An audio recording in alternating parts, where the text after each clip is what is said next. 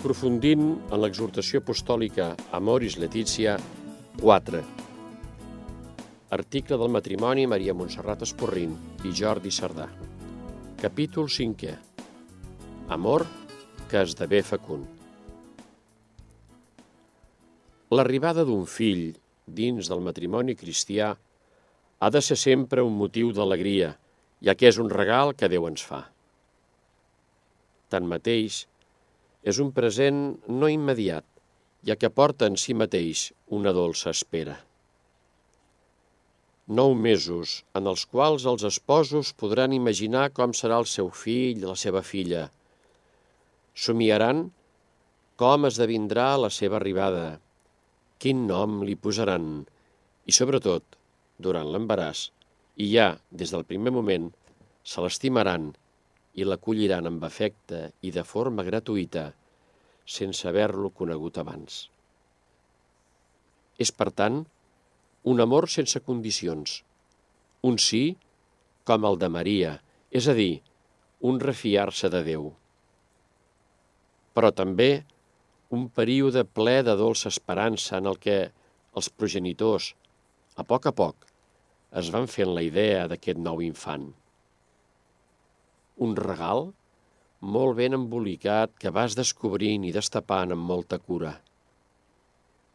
Per això, creiem que és molt important haver tractat el tema dels fills durant el període previ al matrimoni, que s'hagi meditat, que s'hagi parlat i contemplat abans, ja que la idea de portar al món una nova criatura no és un joguet ni un caprici, sinó que és un do que el Senyor ens fa i ens confia abans d'haver fet res per mereixer-lo. La paternitat responsable l'hem de tenir sempre present.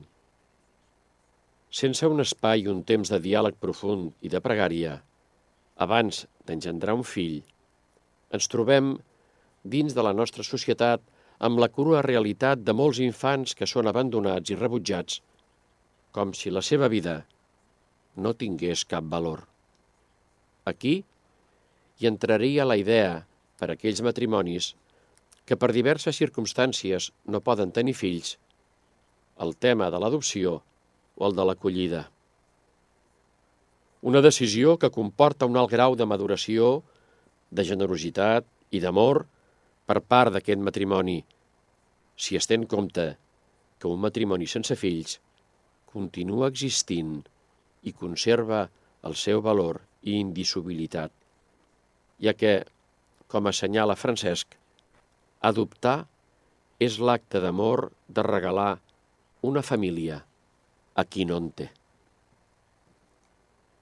Creiem també que una nova criatura no ha de ser mai el pretext per a millorar una mala convivència entre els seus pares, sinó que, per damunt de tot, hi ha d'haver amor entre ells i que aquest es vessi vers l'infant.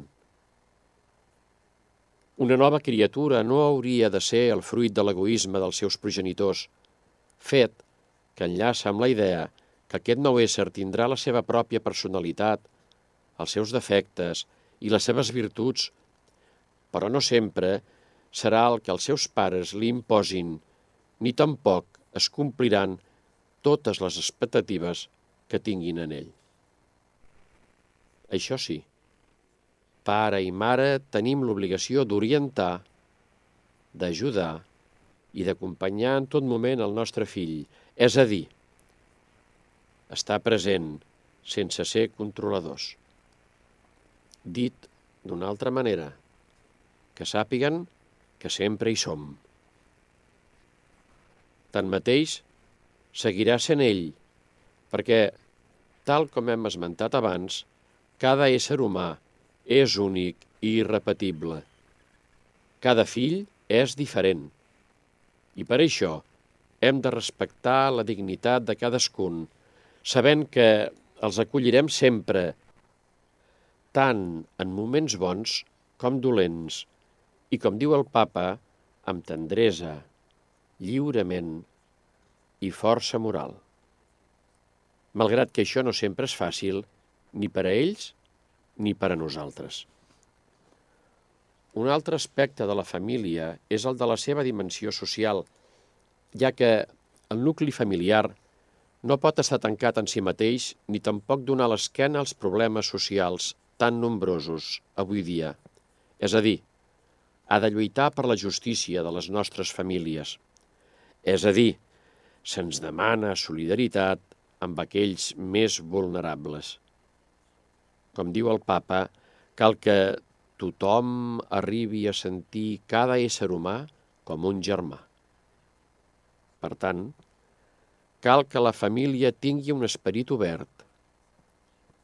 Així, els matrimonis pinten el gris de l'espai públic omplint-lo del color de la fraternitat, de la sensibilitat social, de la defensa dels fràgils, de la fe lluminosa, de l'esperança activa.